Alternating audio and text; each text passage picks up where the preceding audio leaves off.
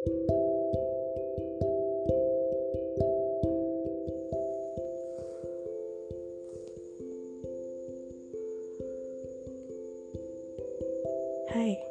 apa kabar? Gimana? Gimana rasanya sibuk sama dunia yang udah kerasa sunyi? Tidur, bangun, makan, jalan, semuanya sendiri. Semuanya cuma bisa dilakuin sendiri. Tiap hari yang biasanya di luar rumah, saat ini harus memilih rumah untuk tempat paling aman. Gimana? Seru kan? Enggak ya? Iya, aku tahu kok. Tahu kalau kamu pasti bosan. Tapi ini cara satu-satunya buat kamu gak asing sama seisi rumah. Ini cara satu-satunya agar kamu istirahat dari dunia luar yang menarikmu jauh dari keluarga. Sekarang betah-betah ya di rumah. Udah lama kan gak bantu ibu masak Udah lama kan gak nemenin ayah minum kopi di depan teras rumah? Udah lama juga kan gak ngobrol banyak sama kakak dan adik? Dulu, mungkin kamu terlalu sibuk sama dunia kamu.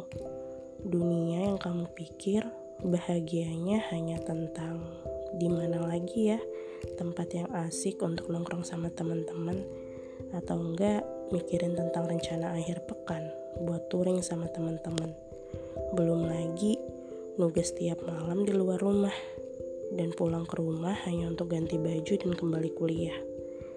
Tapi ini saat yang paling tepat untuk memperbaiki semuanya, memperbaiki keadaan yang udah gak sehangat dulu, memahami apa yang pernah di luar kendali. Toh, bentar lagi Ramadan. Rasanya hal paling baik akan ada di depan mata buka puasa satu meja dengan keluarga, menikmati es buah dan takjil sama-sama, dengan menikmati acara ngabuburit di berbagai stasiun televisi. Kapan lagi coba? Tahun inilah tahun yang menarik kamu buat berpikir sebegitu baiknya berada di tengah-tengah keluarga. Di tahun lalu, bahkan untuk berbuka puasa bersama keluarga hanya dilakukan di hari pertama. Atau enggak, di malam takbir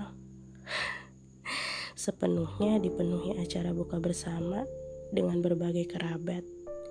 Ya udah, ini waktunya kamu berdiskusi banyak sama ayah ibu, kakak, dan juga adik kamu tentang rencana masa depan kamu. Ya, apa pun itulah.